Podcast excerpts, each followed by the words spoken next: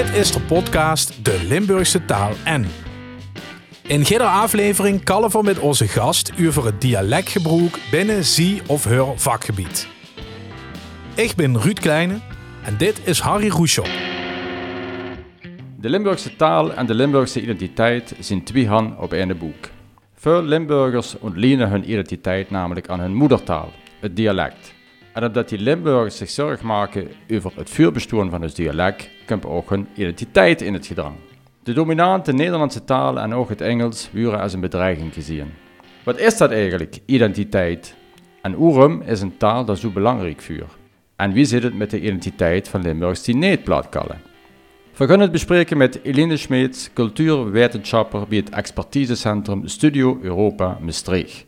Aan de Universiteit van Maastricht geeft ze les in geschiedenis, filosofie en cultuurwetenschappen. Ze deed promotieonderzoek naar de Europese eenwording.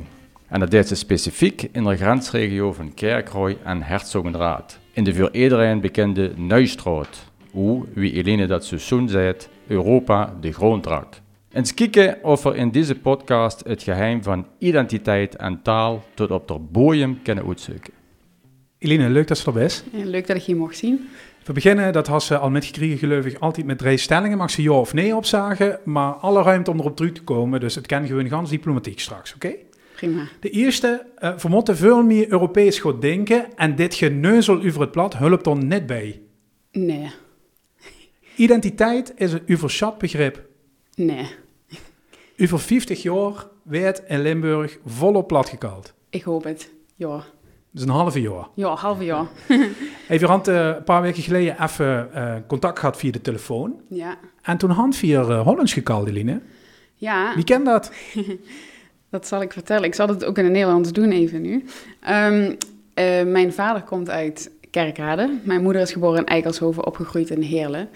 Um, en toen zij opgroeiden, hebben zij zelf hun dialect en hun ja, feit dat ze dialect spraken thuis ervaren als een hindernis. Uh, en een extra, ja, een extra hindernis om, om naar Maastricht te gaan uiteindelijk. Eventueel naar, naar het noorden of, of, of er, misschien naar een ander land, maar dat is niet gebeurd. Dus naar Maastricht te gaan. Daar zijn ze naartoe verhuisd. En toen ze mij en mijn broertje gekregen hebben, hebben ze besloten om uh, ons in het Nederlands op te voeden. Uh, om die hindernis weg te nemen. Ja, vind ze dat jammer? Um, voor een ander tijd, dat snap ik wel. Ja. Maar we zitten nu in 2021. Ik vind het wel jammer, ja. Dus ik ben op een gegeven moment uh, op het uh, toen, toen de tijd nog dagstrand gaan werken. Dat heet nu uh, Fun Valley hè, aan de Maas. daar heb ik acht jaar een hele leuke ja, vakantiebaan, bijbaan gehad. Um, en daar sprak iedereen dialect. En toen moest ik wel. Ik werd gewoon genegeerd als ik niet, niet meesprak in het dialect. Dus toen heb ik het geleerd. Alleen dan loop je tegen het volgende aan. Thuis hoor je een bepaald dialect. Mijn ouders spra spraken wel dialect met elkaar. En zodra ze tegen mij of mijn broertje spraken, of tegen ons beiden, dan gingen ze over in het Nederlands. Dus je wist wel wie de doelgroep was, als het ware. Um, maar ik vond het wel, ik vond het wel ja, dus, dus dat, dat dialect dat ik mee had gekregen, of dat is ook al een mengelmoes, dan zat ik in Maastricht op school. Daar hoor je ook weer een dialect. Ik zat op het Jean d'Arc College, nu het Porta Mozana College. Uh, daar kwamen de, uh, vooral kinderen uit de, de dorpen. Dus het Geertruid onder andere, Ekkelrade, et cetera. Um, die spraken ook weer een ander dialect. Dus dat was ook weer een mengelmoes. En als ik op het dagstrand waar toch echt veel Maastrichtenaren, echte Maastrichtenaren werkten, uh, mijn dialect probeerde te ontwikkelen, dan werd ik daar constant gecorrigeerd. Dat vond ik ook best spannend in het begin. Dat je, ja, toch best kwetsbaar als je als je het dan probeert. Maar, maar dat zit dan wel in om deur te zetten, blijkbaar. Want de best als we proberen Maastricht te kallen tegen die lui. Ja, ja dat, dat was eigenlijk geen uh, andere optie. dus uh, dat, dat ontwikkelde zich zo. En eigenlijk begon ik het ook steeds interessanter te vinden, of leuker te vinden. Want je krijgt ook wel een ja, wij-zij gevoel. Dat kan natuurlijk ook negatief uitpakken. Daar zullen we het vast nog over hebben in ons gesprek. Maar um, ja, het ook zeker positief. Je, je hebt tenminste toegang tot nieuwe teksten, liedjes, carnavalsliedjes, um,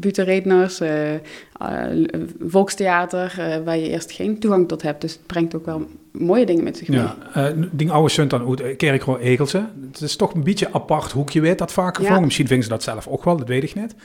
Zijn die, zijn die lijnen nog strak met door, of had die oudstad ook achter zich gelaten? Best hoe opgevoed met de Kerkroodse carnavalsplaten of met de butenredners vandoor en dergelijke? Uh, wel meer, denk ik, dan ehm, ja, andere mensen in Maastricht, zeker natuurlijk. Maar ehm, zij hebben daar wel duidelijk mee gebroken op een bepaalde manier. Niet, ja, niet helemaal gebroken, maar wel afstand van genomen, laat ik het zo zeggen.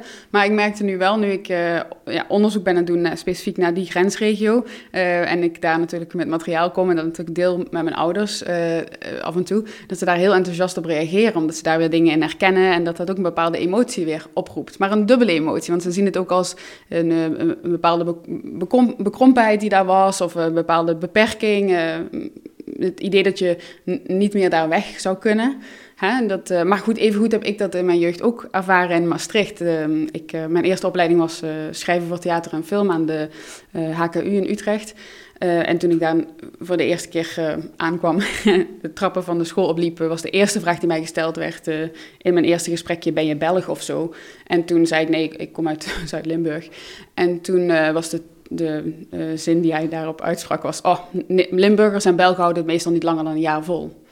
Nou ja, dat, dat, dat is best wel confronterend. Dus op die, op, op die manier voel je ook vanuit Maastricht weer een grens om naar buiten te gaan. Eh, Ja. Jammer genoeg. Hoe lang, hoe lang heeft ze het volgehouden dan? Ja, 2,5 jaar. Nou, daar is hem dan hem toch eh, gewonnen. Dat is niks aan de hand. ja, ja. Even komen tegen Kalle over, eh, over Limburg, de regio en Europa.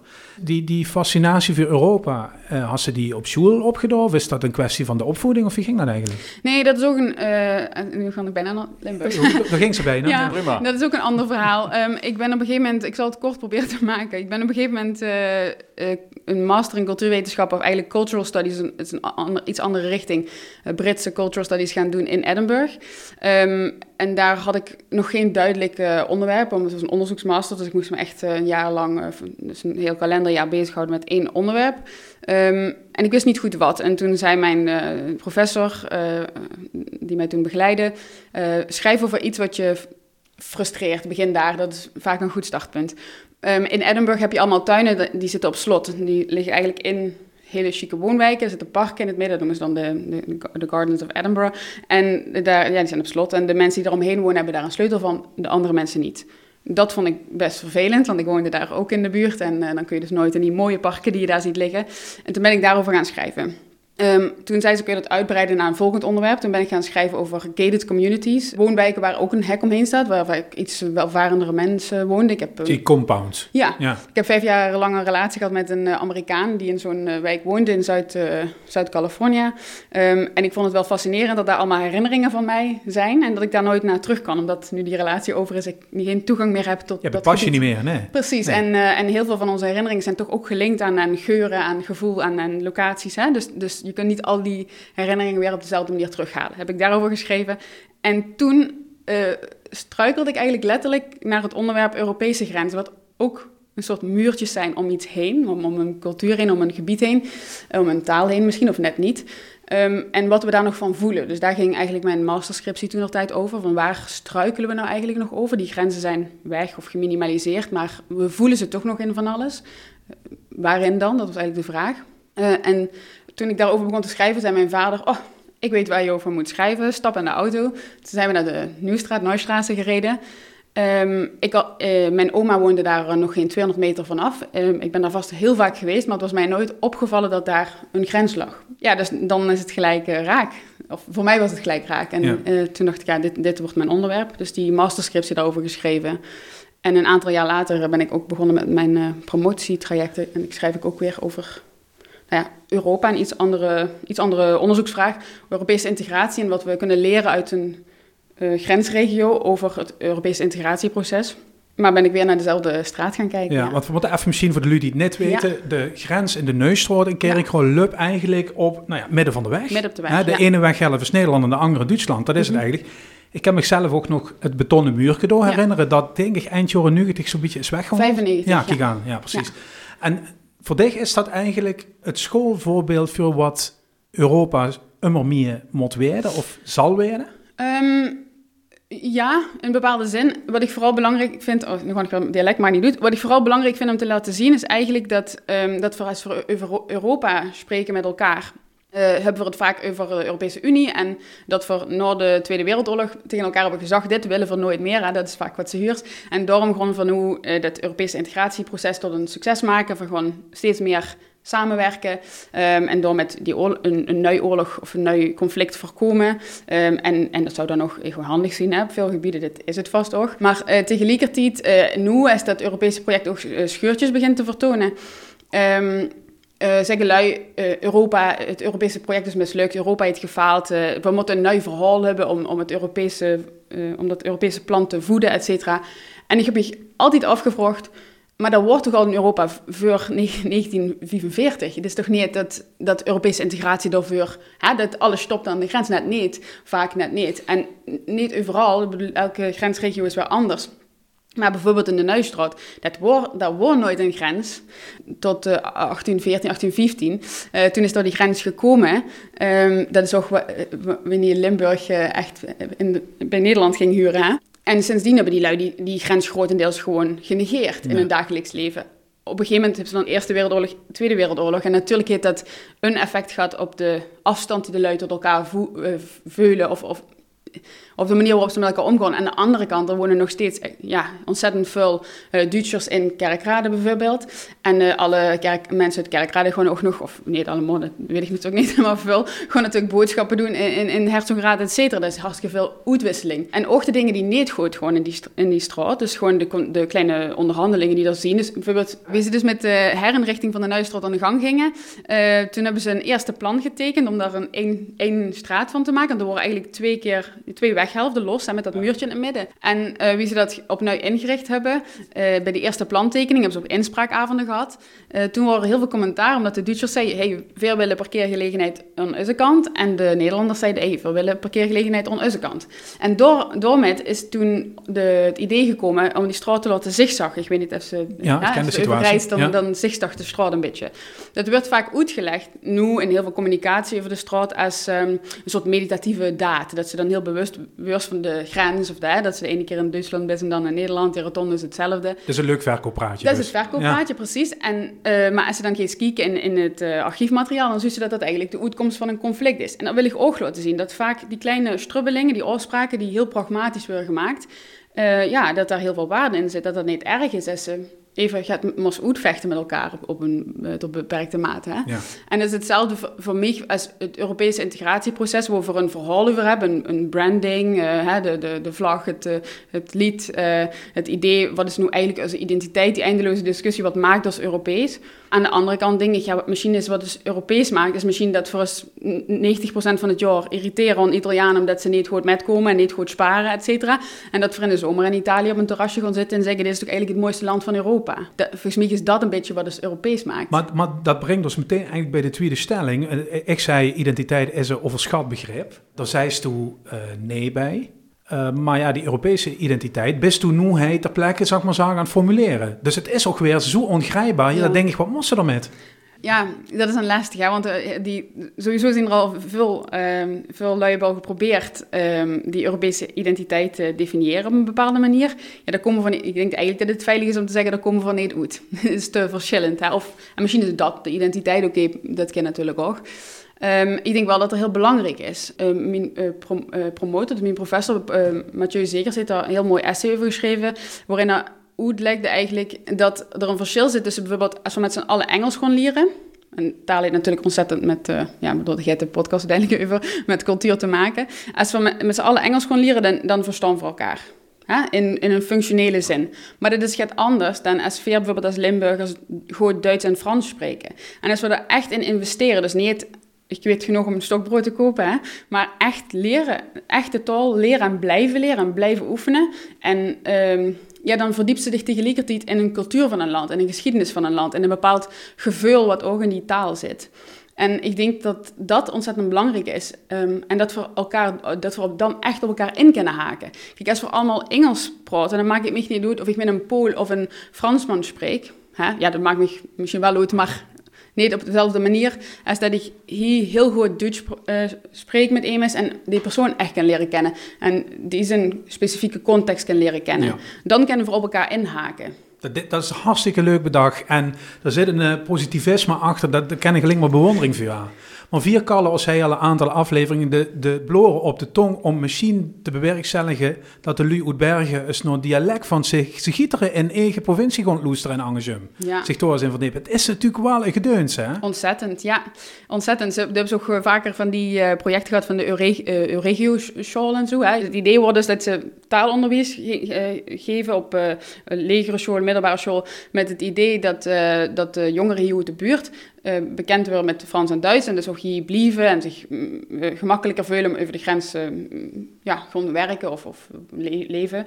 Um, maar ja, als dat vak neven Engels of Arabisch of weet ik veel wat wordt gezet op de middelbare school, of neven programmeren of zo gaat, of gaming, uh, volgens mij wordt een hipper vak dan programmeren, ja, dan, dan is het natuurlijk logisch dat jongeren dat gewoon kiezen. Dus het is ook een beetje, misschien moeten we weer ja, verplicht maken. Ik weet nooit of dat de beste manier van onderwijzen is. Ik geef zelf les, dus je weet dat ze immers verplicht om gaat te doen dat dat echt werkt. Maar misschien moet het geen keuzevak zien. Misschien moeten we dat uh, belang daarvan duidelijk maken. Maar je hebt er ook wel eens over nagedacht als de motivatie voor dat, uh, voor dat stimuleren van die talen van de grensregio wordt vaak gezegd, ja, de werkgelegenheid, dan hebben ze meer werkgelegenheid, ja. hebben ze feitelijk meer gebied waar ze een baan kunnen zoeken. Kent een baan zoeken in Luik, Frans van, ja. ja. Maar ik denk, ja, ik zou het lastig vinden om, vloeiend Frans te gaan leren voor een, mogelijk, een mogelijke baan in de toekomst, als je nog niet zeker weet of ik naar Luik ga verhuizen. Maar als ik verliefd zou worden aan Luik, dan zou ik die taal gaan leren, hè? want anders heb ze echt een probleem. En als ik een, een of een goede vriendschap heb met iemand, mijn beste vriendin is, is een Duitse, ja, dan, dan investeert ze daarin. En de eerste jaar hebben we ook met ze, of de eerste twee jaar hebben we ook braaf uh, Engels gesproken met elkaar, ik van de opleiding. Maar op een gegeven moment dan denken ze, ja, ik wil eigenlijk wel, ja, als ik bij haar familie ben of zo, uh, met, met haar mama en papa en haar zus, dan, ja, dan werd er Duits gesproken. En ik zei, ja, oh, ik wil dat toch wel aan meedoen. En dan gaan ze toch een beetje Duits met elkaar praten. Dan begint ze met koosnaampjes, leuk, en dan bouwt dat verder uit. Dus ik denk eigenlijk dat het, ja, dat het Tom hierin zit. Dus misschien moeten we het niet op school leren, misschien moeten we het op een andere manier uh, stimuleren. Ja. En een ander voorbeeld... Ik heb laatst een uh, stukje geschreven voor We Europe. Dat is een tijdschrift over Europa, een mooie glossy eigenlijk. Over de dansmarietjes. het was een uh, sportuitgave. Um, en ik vond het heel belangrijk om erover te schrijven, omdat ik van kleins af aan, als we carnaval gingen veren, dan worstelde ik me nog voor om, om te kijken naar die meisjes die daar met zo'n gladde panties, hè, met die, met die uh, witte laarsjes en dat hoedje op en dan allemaal uh, acrobatische trucjes deden. Ik vond, uh, ik vond, ik vond die altijd sterk en, en super lenig natuurlijk en, en chic dat die in het middelpunt sting. Maar nu zie je veel meer lui die opeens cheerleading gaan doen, bijvoorbeeld. Hè?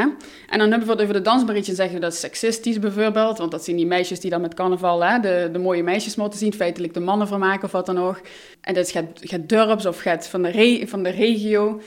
En dat, dat, is, dat vind ik dan echt zo'n typisch voorbeeld van een een sport die ze eigenlijk over de hele wereld zus, dat cheerleading, wat dan eigenlijk terrein aan het winnen is. Terwijl eigenlijk als ze er feitelijk nog kijken, ze hebben die minder kleier aan en doen ze ja. feitelijk hetzelfde. Hè? Maar bij die dansbarietjes zit zo'n mooie geschiedenis achter, letterlijk. Hè? Dus het is een commentaar op, op uh, uh, militarisme, ik weet eigenlijk niet hoe ze dat op het dialect zit. En het komt echt uit de regio en het gaat die grenzen over en de dansbarietjes hebben ook per dorp een hele andere outfit en een andere stijl, et cetera. Maar toch komen die bij elkaar op, op, uh, een soort wedstrijden. Ja.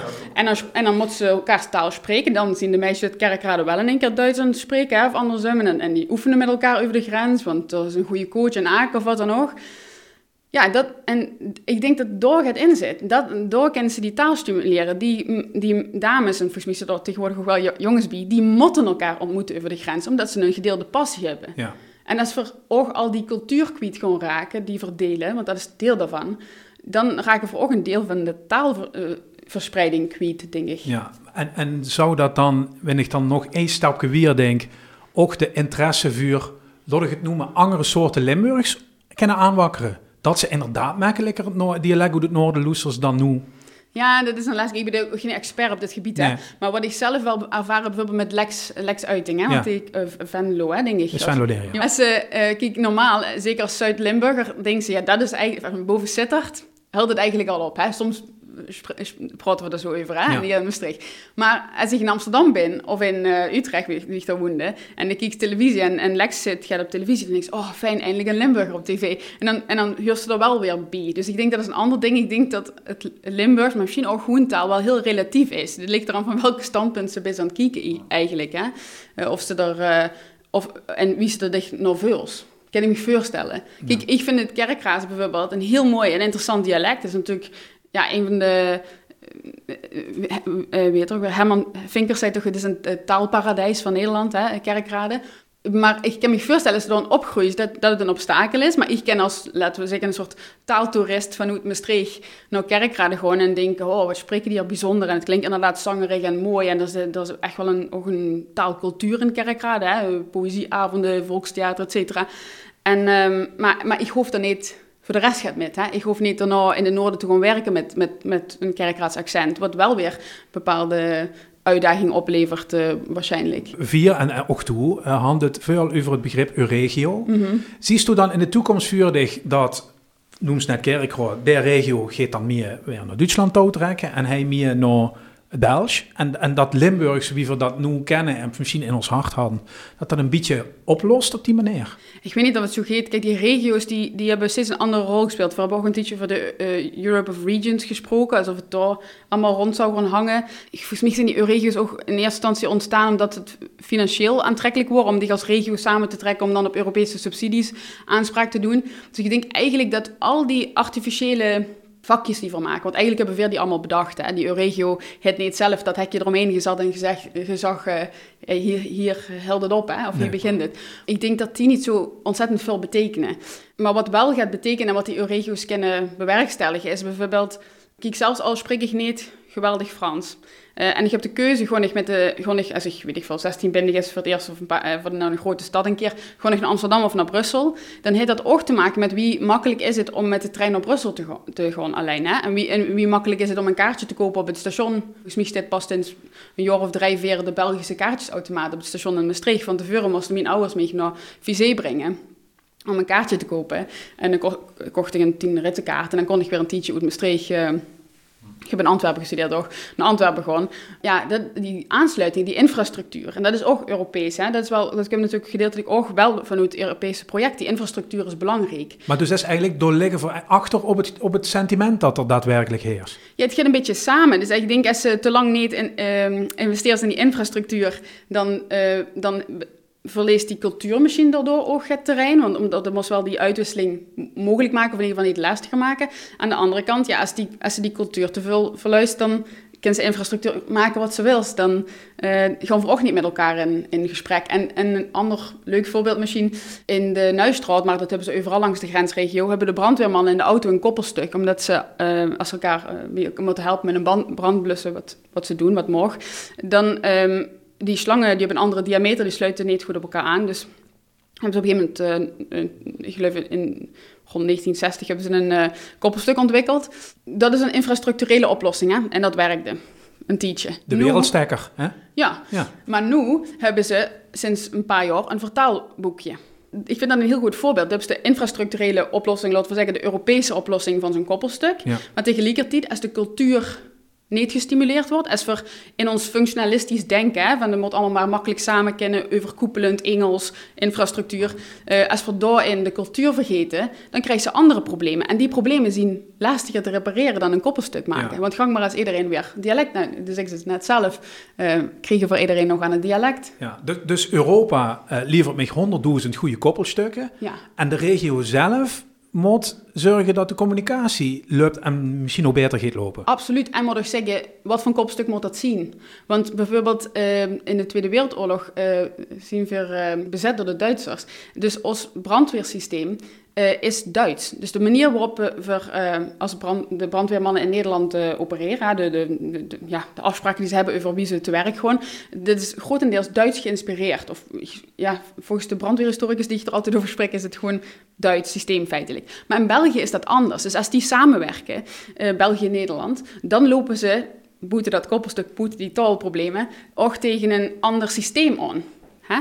En Europa kan niet weten, op Europees niveau kennen ze niet weten, tenzij ze constant in gesprek blijven met al die specifieke, ja, je noemt ze dan altijd de naadjes van Europa, uh, wie dat uitziet. Ja. En ik denk dat daar wel echt een functie voor de regio zit, waar ik wel heel gepassioneerd over ben. En het klopt, soms klinkt ik misschien activistisch of heel positief erover, maar ik zie nog zeker de, de dingen waarop het fout gaat. Hè? Maar um, ja, er liggen heel veel kansen in de grensregio. Veel weten wie voor met de buren moet samenwerken. En veel weten ook soms niet wie het moet, hè, want we weten toch waar het fout gaat. Maar in Amsterdam weten ze dat een stuk minder. Ja. Als zo'n partij wie Volt nu, hè, bij de Europese, of sorry, bij de uh, verkiezing, maar een Europese partij die zich uh, presenteert, uh, dan zou ze denken dat die heel veel lui uit de grensregio zouden aanspreken met, die, met hun verhaal. Maar dat doen ze niet. Dat kunnen ze gewoon zien aan de uitslag van waar ze succes hebben gehad en waar niet. Ja, dat vind ik uh, opvallend. Dan denk ik, dus, dan, dan moest toch met lui gaan spreken, dan moest toch gewoon praten. Die lui weten wat Europa is. Ja, maar misschien vingen die lui ook die grensjes wel fijn. En in Amsterdam had ze net zoveel te maken met grenzen, dus waar zou ze die druk over maken? Dan had ze gauw geroepen vermotterd met z'n allen en gans Europa is één Absoluut, en dergelijke. ja. Dus, dus, dus misschien wel hartstikke behoefte aan die grenzen juist. Dat kan, maar, maar, maar als zo'n Europese partij uh, zich ja, presenteert als een Europese partij, dan moeten ze gewoon kijken, ja, hebben we behoefte aan die grenzen of niet? Als de conclusie is ja, dan kunnen ze die ook stimuleren. Ja. Dat, dat kan een Europese partij natuurlijk ook doen. Een Europese partij hoeft niet te staan voor open grenzen per se. Of, of die grenzen zullen open blijven, hopelijk, maar uh, grenzen die wel of niet heel duidelijk gedefinieerd zijn, of die wel of niet duidelijk een rol spelen. Ja. Uh, doe kijkt als, als wetenschapper naar die grenzen. Dat betekent dat ze een proces bestudeert eigenlijk. Dat ze door ook een historische basiskennis voor has. Uh, vier hand vaak het gevoel, en onze gasten die hij bij de podcast komen ook, dat dit wel een essentiële fase is voor Limburg, voor het plat en misschien wel voor de Limburgse identiteit maken voor ons te druk, denk ze? Te druk over wat? Over, over dat ganse verhaal van eh, we moeten dit beschermen en geeft het wel goed en is het platter straks nog wel en eh, wie Limburg is Limburg en wie niet is eigenlijk een Limburger. Die definities, daar ben ik, ik, ik denk dat we daar niet, per, kijk, de kunnen definiëren wat ze wil. Ze kunnen zeggen een Europeaan is dit, maar als we dat niet vullen, dan betekent dat niks. Hè? Dus ik denk dat die al dat definiëren, dat dat, ja, dat, ik, ik word er niet warm van. Hè. Uh, maar definitie is natuurlijk ook weer de grens waar jullie dus behoefte aan blikken te hebben.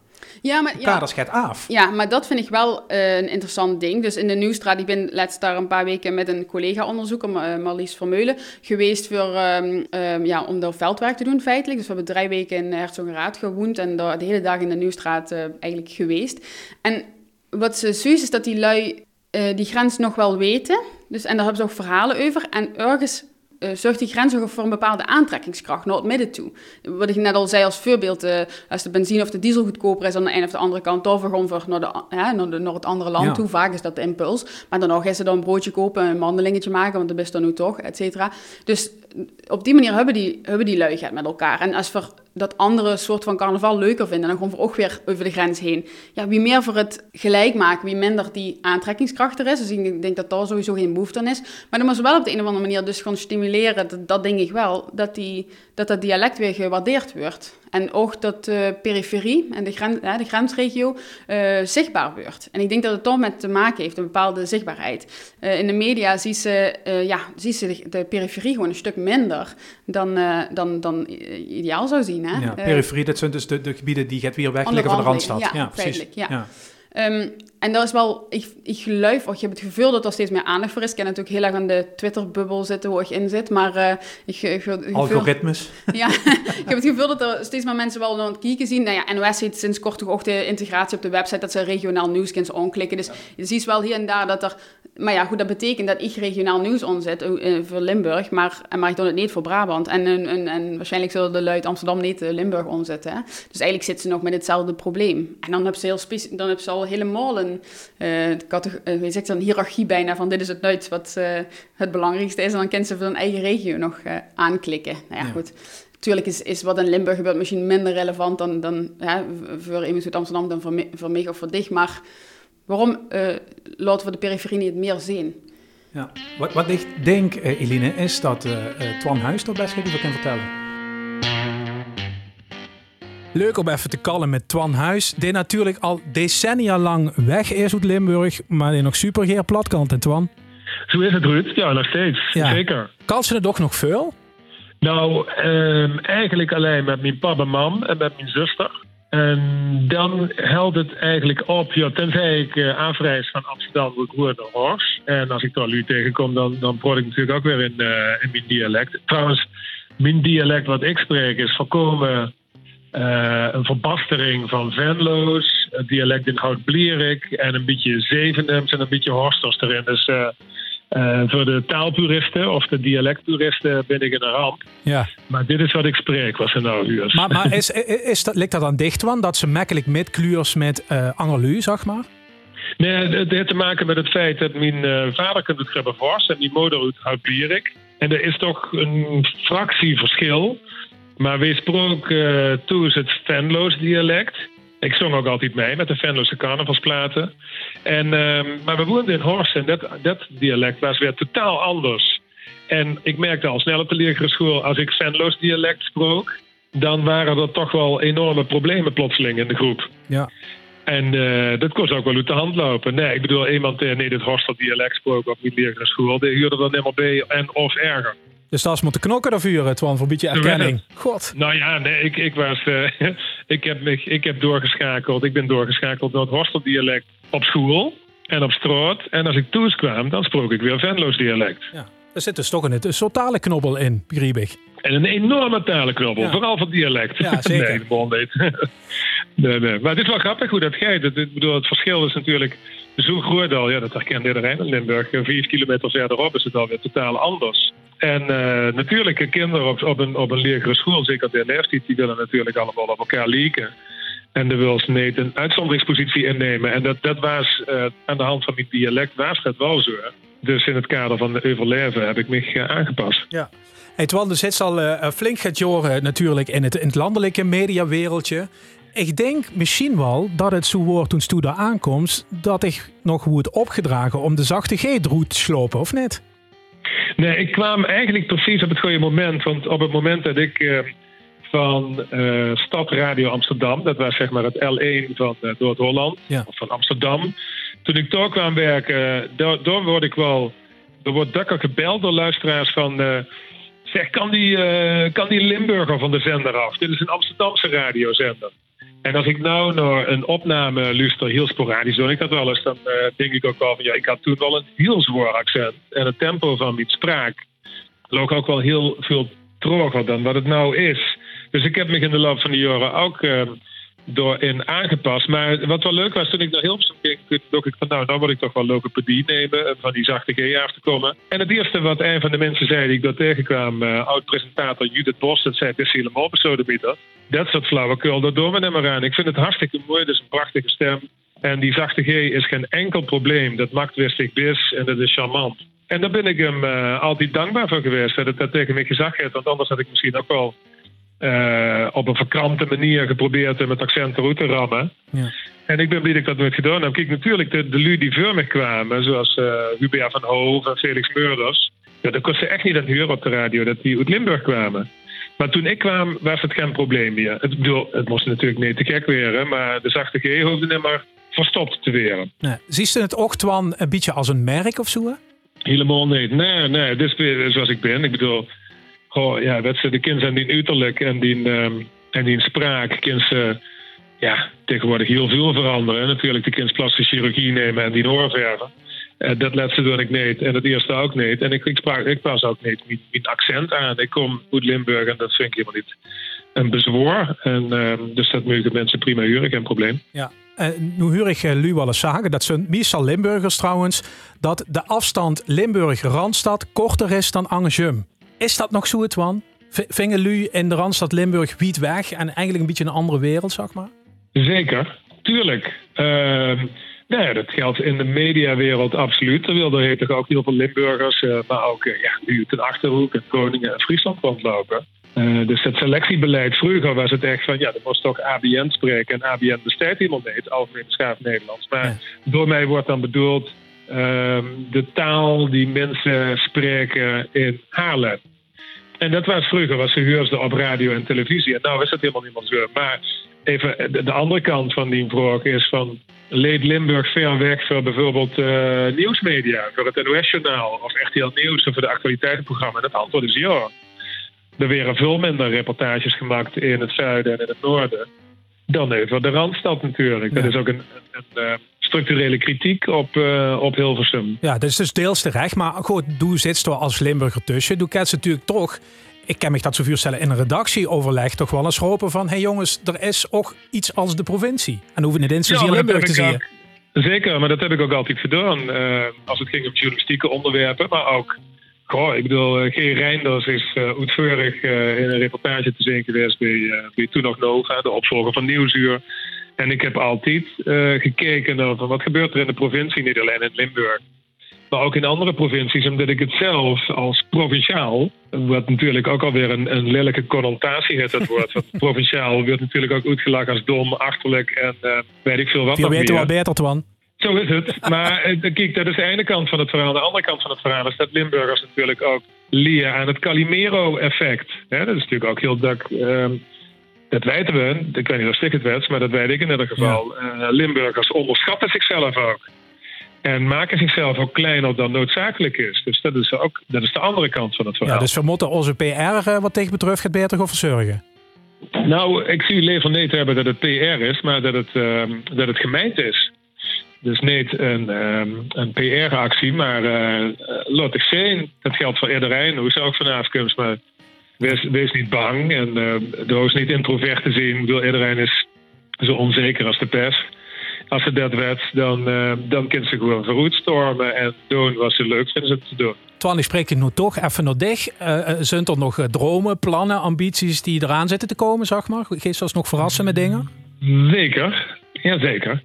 Nee, ik probeer vooral mezelf te verrassen in de hoop dat het dan ook uh, mooie programma's oplevert.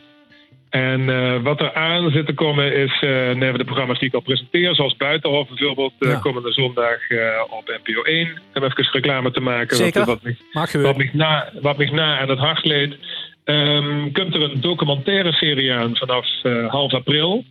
Van zes afleveringen. En die gaat over iets wat ik um, essentieel vind op dit moment. Die gaat over zes Um, grondstoffen, hoe we niet zonder kunnen, maar die een puinhoop maken van uh, de omgeving, hoe ze gedolven weren en, en verderop ook nog. Het gaat over olie, gas, kobalt, goud, uh, steenkolen, die was bekend natuurlijk ja. in uh, de minestreek, en over rare earth, um, zeldzame aardmetalen. Dat klinkt heel abstract, maar we hebben onderzoek gedaan met een team van journalisten naar uh, wat ik al zei, van hoe komt het vanavond weer verdelen eraan en wat gaat er allemaal fout? Nou, het is vrij ernstig, wat kan ik je vertellen. Die serie die komt half april en daar verheug ik me op. En nog iets meer, half mei begint uh, een nieuwe serie van College Tour. Ja, best wel terug op het nest. Nou ja, het nest, uh, ik vind dat in die leven op heel veel nesten kind gaan. Ja. Maar dit is wel het nest wat ik jammer vond twee jaar geleden los te laten. En uh, heerlijk dat, dat, weer, uh, dat ik daar weer eikens op kan uitbroeden in die uh, beeldspraak. Ja, zeker. Hey, als ze dan ook al, al gasten geboekt voor deze serie of is dat nog bezig? Nou, dit treft het, want we zitten midden in een redactievergadering van College Tour. En er zien al gasten die al hebben toegezegd. En we zijn met een aantal spannende gasten bezig die op het punt staan um, hopelijk toe te zeggen. En weer dat zien, daar ga ik niks over vertellen, nee. want dat doen we altijd in ene keer uh, vlak voordat de uitzendingen beginnen. En in de hoop dat dan heel veel studenten in Nederland reageren van oké, okay, dan wil ik hier bezig. Oké, okay. zit er wel in de droomgas van dichtbij? Absoluut. Oké, okay, dat is cool. Dat gaat vervolgen, Twan. hey, tot slot, um, best het druk bezig door en het zijde gegund. Naar die programma's. Maar zie ze zichzelf ooit nog lekker oortsie in Limburg, zeg maar zeggen, rustig, op het platteland en zo? Zit dat er niet meer in? al uh, heel lang gaan we ieder jaar wandelen in Zuid-Limburg. Vorig jaar heb ik een, een boek gepubliceerd ook over ja. wandellust. En mijn favoriete plek van onze familie is eigenlijk het Gerendal uh, in de buurt van Valkenburg, bij Schin op Geul. Tussen Schulder en Schin op Geul, om precies te zijn. En iedere keer, dat geldt voor de hele familie, als wij de Rijksweg bij Schin op Geul rechts afbuigen, de Gerendalse weg op, dan, uh, dan ga je het hart open. En dan uh, denk ik van, god, hey, zie ik toch ooit wel een keer willen wonen. Het probleem is dat er maar twee huur staan die zien van Staatsbosbeheer, dus uh, daar helpt het dan op. Maar ik ben al bijna twintig jaar ben ik verslaafd aan Funda, Zuid-Limburg. Dat kijk ik iedere dag naar. In de hoop dat er ooit een keer een uh, romantische vakhuis, vak, vakwerkhuis uh, tussentijd in Zuid-Limburg hoe ik me dan uh, in kan nestelen. Ja. Dus die, dat is een goede vraag van dich. Ik droom daar al heel lang van. Alles als bevelding en een Limburgs dialect. Uh, zo meteen kan we nog even over het uh, toekomstbeeld van cultuurwetenschapper Eline Smeets. Maar we kregen gelukkig, dat vind ik wel erg leuk, regelmatig reacties op deze podcast via alle kanalen, Harry. Ja, inderdaad. Alle kanalen, e-mail, Facebook. Ik begin met een mailtje, dat heb ik vooral eigenlijk gaans iets teruggekregen van Margriet van Soest. Dat wil ik toch even voorlezen. Margriet zei, wat een groot initiatief die serie, daar ik helemaal blij van. Ik kan al 66 jaar in het Heljes dialect, in het dialect denk, veel, kal en schrijvig kan me dus bijna niet voorstellen dat het een keer gaat verdwijnen. Toch ben ik bang dat Leonie, en dat bedoelt uh, Leonie Kornips natuurlijk, gelijkheid aan krijgt. Want Leonie zag, over 50 jaar wordt geen dialect meer gekald. Het afgeven van het Limburgers dialect is al lang gaande. Toen ik in de 70er jaren op de Pabo zo het woord dialect bijvoorbeeld al taboe. Men houdt het over de handicap van het platpraten. Toen al mochten we het dialect niet gebruiken in het onderwijs wordt het als minderwaardig gezien. Maar in de individuele begeleiding van kinderen denk ik dat dik toch soms wordt het nodig om het vertrouwen van de kind te winnen. Het dialect hoort gewoon bij Oost-Limburg. Succes met de serie. Nou, heel lief van Margriet en een uh, ja, leuke reactie moet ik zeggen. En uh, dit was aan het begin van een serie, dus ik hoop dat Margriet alle afleveringen geloofd heeft. Ja, dan, is het hel je deur. Dan is het toch wat positiever geworden, denk ik, over, uh, over het dialect. Een paar Facebook-berichtjes Peter Hotselmans, hij zei het iedere keer weer interessant om te bloesteren. Leuk, Peter. Arnold Verluid zei Limburg heeft geen eigen taal, maar iedere stad of dorp heeft zijn eigen dialect. Dat heet Arnold Gaans gelegen. Dat hebben we al vaker aangestoken. Daar hebben we het al eens over gehad. En uh, op Porsche Maandag is op L1 uh, de eerste aflevering van onze podcast uitgezonden. En Arno Walraven reageert erop. Ik kan nog steeds niet wennen aan een dialectprofessor die het dialect niet machtig is en niet eens in Limburg woont. En dan gaat het weer over Leonie ja. Kornips. Ja, Lina Kinsticht misschien op reageren. hoeft natuurlijk niet uh, een taal te spreken of ergens te wonen om, uh, um, um een onderzoek te doen, toch? Dan ben ik wel ontzettend blij dat ik nu in het Limburgs moet praten. um, nee, ja, nee. Nee, ja, misschien niet, maar wat ik wel zelf merk bij mijn onderzoek bijvoorbeeld, is dat ik, um, als, als, ik, als ik een vrouw wil hebben, ik word met die collega in de Nuisstraat, die is uh, uh, Belgische, ja. um, uit Gent, uh, sorry, in de nee, West-Vlaanderen in ieder geval. Ik zeg het, zeg het fout waarschijnlijk. Maar uh, als je met iemand gaat praten, dan krijg je toch ander verhaal of minder verhaal, vooral dan als ze in het dialect. En ik, ja, zoals iedereen kan horen, ik spreek ook geen zuiver dialect. Maar het, het, het maakt, het vult net dichterbij. Het, is meteen een soort contact. Ja, ja. Ja, en ik denk dat dat ontzettend helpt. Um, om bepaalde informatie te krijgen. Ik kan ze dan natuurlijk wel weer de vraag stellen vanuit een wetenschappelijk perspectief, is dat dan heel objectieve informatie of niet? Hè? Want als iemand ook op een intiemere manier feitelijk met de gids spreken, dan ja, wat voor informatie krijg je dan? Misschien als, als uh, de professor wat je net noemde, um, Corneps heet ze, ja. ja. Um, als hij... Um, met lui spreek is het misschien uh, ja, in een formelere context. Misschien is, heeft dat ook wel weer voordelen.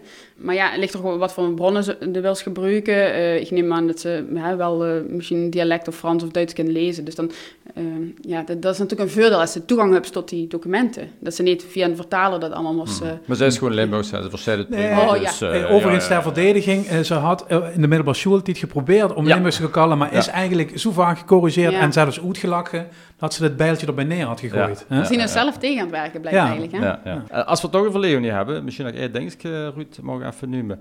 Dat was de eerste aflevering van onze podcast en dat is al meer dan duizend keer beluisterd. Dus dat is een feestje, we krijgen dadelijk waffelen in. Champagne. Oh. ja. Dus uh, ja, blijf vooral luisteren. Limburgse taal.nl. Uh, deel het met vriend, familie en collega's. En dan gaan we richting de 2000, zou ik zeggen. Ja, dat denk ik toch zeker. Uh, Eline, dit is best wel veel op social media. Ja, Twitter bijvoorbeeld. Ja. Uh, gisteren uh, nog een aardig uh, inspirerende tweet. Was een quote geleend van ja. George Steiner. Ja. het gaat er eigenlijk over dat er klinken talen zunt er net. En zunt ook net minder belangrijk dan talen die door voorlu gekald werden. Het had alles te maken met wat lu zunt en ze misschien weer in de toekomst. Wat heel volgens mij vooral probeert te zeggen met die quote is dat taal denken mogelijk maakt. Hè? Natuurlijk, sommige dingen visualiseren we, maar taal bepaalt in grote mate ja, wie verkennen handelen. Ik, ik geloof er ook wel in. Ik ben natuurlijk cultuurwetenschapper, dus ik, ik geloof er misschien meer in dan luid andere wetenschappen. Maar uh, als ik bijvoorbeeld zeg, kom eens hier zitten in het Limburgs, dan ik denk dat lui dan dichterbij gaan zitten dan als ik in het Nederlands zeg, kom eens hier zitten. Volgens, volgens mij is dat meer, trek een stoel bij de tafel en hè, kom erbij ja. zitten. Maar als ik zeg, kom eens hier zitten, dan voelt het alsof iemand nevendig kunt zitten. Kom eens even, dan pak ik even vast, precies, bij wijze van spreken. Precies, ja, dus volgens mij, um, ja, volgens mij maakt taal, uh, is, er, is daar zeer bepalend in. Daar is ook heel veel onderzoek naar gedaan. Um, alle het bijvoorbeeld over uh, culturen die uh, met de windrichtingen dingen aanwijzen en duidelijk maken welke kant het op is. En of culturen die zeggen links of rechts van bijvoorbeeld. Um, dat, dat, dat bepaalt wie ze in een omgeving beweegt. Op een andere manier. Omdat dat ja, bepaalt wat ze wel en niet kent zien. Als ze voor alle voor heel veel specifieke kleuren een norm hebt, dan kan ze specifieke kleuren ontduiden en daarin specifieke keuzes maken. En zo is dat volgens mij ook op, uh, ja, op dit niveau waar we het over, hebben. Um, omdat ik dialect spreek, durf ik makkelijker de grens over naar Duitsland bijvoorbeeld, of naar Aken, omdat ik die lui wel gewoon 90% verstaan. Um, dus het, het, geeft een bewegingsvrijheid. En volgens mij wil dat toch zeggen, um, als, als voor bijvoorbeeld als iedereen Engels gaat spreken, dan raken we ontzettend veel kwijt. Ja. En als we daar niet bewust van zien, uh, volgens mij probeert dat te zeggen, dan dat is een herstelproces wat ze volgens mij niet meer in kan zetten. Ja, we zullen hem nog even delen ook. Hè? Dat is misschien wel mooi bij ja. gesprek op de website. Dat is verder geen probleem. De Limburgs, Limburgstaal.nl, dat is het. Ja, zeker. Hey, uh, die toekomstbeeld, uh, even nog dan over het platkallen in Limburg, voor 50 jaar trek je dan even een grens, omdat we toch over grenzen kallen. Dus ik hoop het wel. Maar er zit natuurlijk ook een beetje wanhoop onder misschien wel onder die uitspraak. Als um, politiek gezien veel, veel rechtser overheid zouden krijgen of uh, dat dat effect heeft op onderwijs, et cetera. Aan de andere kant kunnen ze zeggen dat populisten vaak hè, meer in de, in de regio of regio georiënteerd zien, dus misschien niet het ook voordelen. Die zijn uh, veel grenzen vaker, hè, ja, toch? Ja, ik ben er ook geen expert op dat gebied, maar ja, ik, ik ben wel bang dat, dat, dat, dat er minder ruimte komt voor het dialect en dat we alles heel functionalistisch insteken. Dat, we, dat het vooral gaat op wie kunnen we zo goed mogelijk met elkaar samenwerken. Um, en geld verdienen. Ik bedoel niet samenwerken als samen een leuke hut bouwen in het bos, want dat kan ze in dialect doen.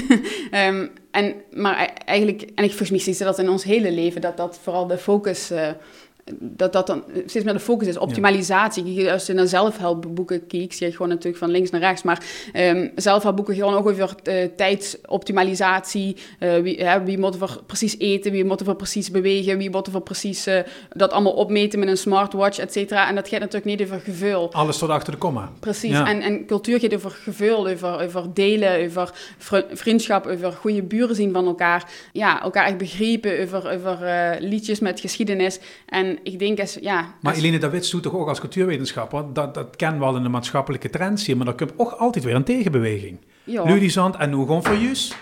Wat verdorie. Zeker. En ik denk dat ze dat, ja, wat ik eerder al zei, ik denk dat ze zeker nu een, een, een eh, trek naar die regio weer zuus. En dat die interesse terug is gekomen. Um, ja, dus ik, ik ben wel hoopvol. Ik, ik hoop, en ik hoop dat ik daar een kan dragen. Ja. Um, op de een of andere manier. ja. ja. Uh, zo meteen nog even door die huiswerk, maar dan uh, word ik toch aan, aan Toverland zitten. En het is en blijft het thema. Uh, even kort, Europa over 50 jaar. Als ze daar een deel bij. um. Ben ze door een hoopvoller gestemd dan voor dialect of, of minder juist?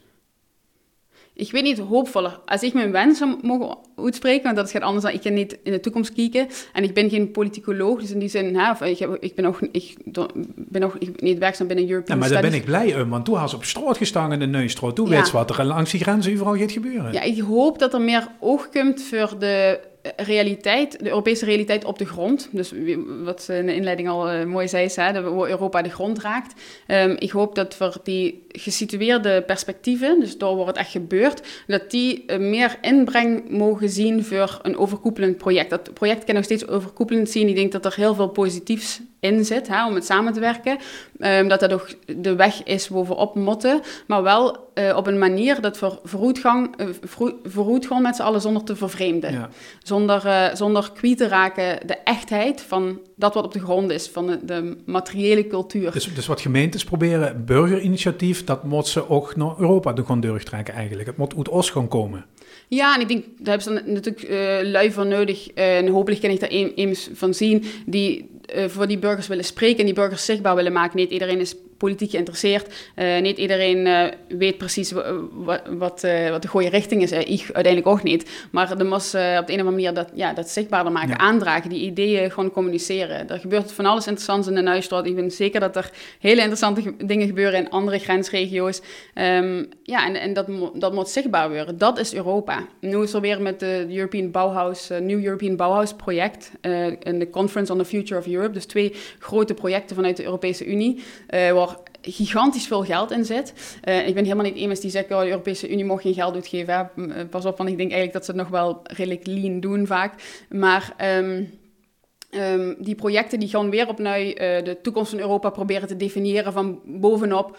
Um, dus, natuurlijk vragen ze burgers, maar dat, als ze gaat kijken wie dat echt zien, zien dat toch weer best hoge pieven uit de kunstwereld. Zeker bij dat New European Bauhaus bijvoorbeeld.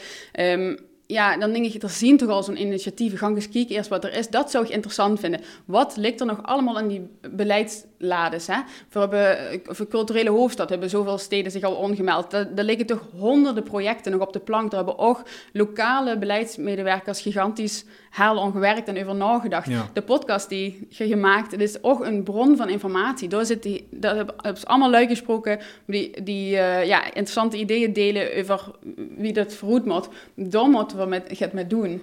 Dat is de echte kennis. Kijk eens, uh, ja, als iemand van bovenop gaat bepalen welke taal voor in Europa... Uh, ja, we moeten gewoon leren met z'n allen. Ik weet niet of dat, ik weet niet of dat zin heeft. Ik denk dat dit soort initiatieven meer gestimuleerd moeten worden en zichtbaar moeten worden. Moeten nog een rapportje schrijven naar deze podcast? Zeker. Begrepen. Ja, zeker. hey, en we dich uh, als per mail al doorgegeven en netjes het huiswerk op die af. Eline, dankjewel daarvoor. Uh, die uh, mooiste favoriete woord in het plat. Ja, ik uh, moest er even over nadenken met nog de knoevelen. Um, en, en omdat het een voorbeeld is van zo'n woord wat ze gewoon niet in het Nederlands wil zeggen. Ik heb al eerder in een uitzending gehoord dat iemand meisje zei in een, dialect, in een ander dialect, maar nu weet ik niet. Uh, bedoelt ze? Ja, ja, ja en het is natuurlijk zo'nzelfde soort uh, woord, wat ze dan gebruikt met... Zwavelvutje van uh, Petra misschien. Oh, ja, ja. ja, standaard. ja, je hebt wat, ze, wat, ze di wat dichtbij vult. Uh, de schoon, het schoonzusje, of ex-schoonzusje ondertussen helaas, uit Duitsland, die zei altijd abknoetje. Dat is zo'n Duitse variant van, eh, van misschien van, uh, van hetzelfde. Maar uh, dat vind ik lieve woordjes die voor, dat zijn de laatste die we moeten verlezen als we dan toch het Limburgs verlezen. Ja, ja, dus. Ja. Tot slot, wat leuk dat het zich toch is gelukt om 85% van de tijd plat te kallen. Wat zijn net gedacht van te vuren? Ik hoop dat ik niet allemaal commentaar krijg in de comments. Nou ja, dankjewel Eline.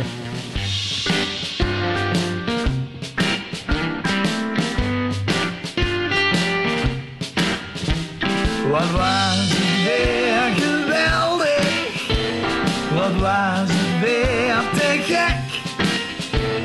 Ja, alles ons bevalt me in een Limburgs dialect.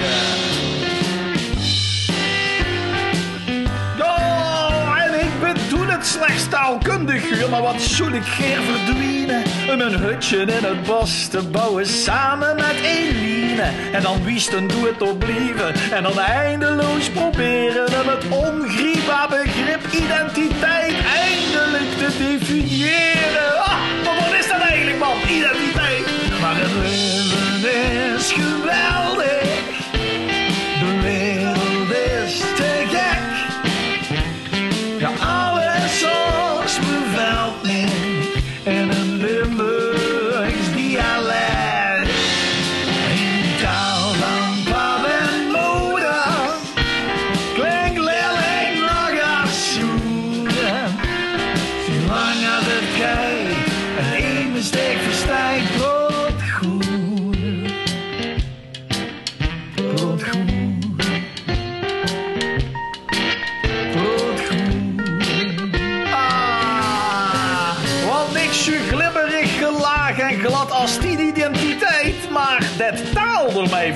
Het, zit Eline, is een feit. Kijk maar naar Eline zelf, want het Duits zit leren lullen.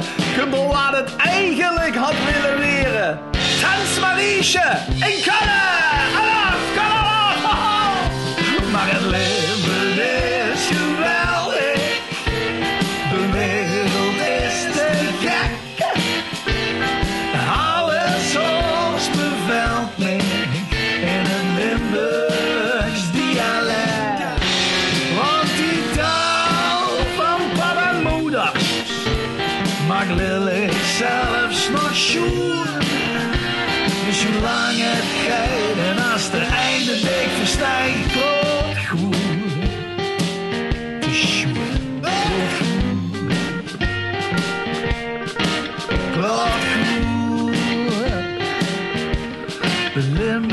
Limburgse taal en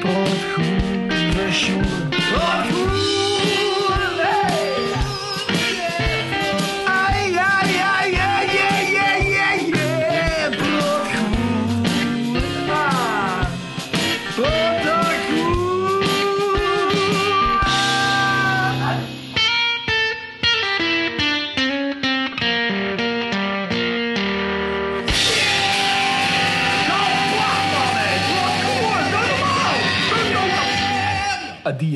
Deze podcast wordt gemaakt door Ruud Kleine en Harry Roeshop in opdracht van de stichting Limix. De muziek en de column waren van Frans Pollux. Voor bedanken subsidiegever Provincie Limburg en strategisch partner Veldeke Limburg. Reageren op deze podcast en abonneren kan via onze website delimburgsetaal.nl. Dood dat verhaal en beluister alle afleveringen van de podcast De Limburgse Taal en...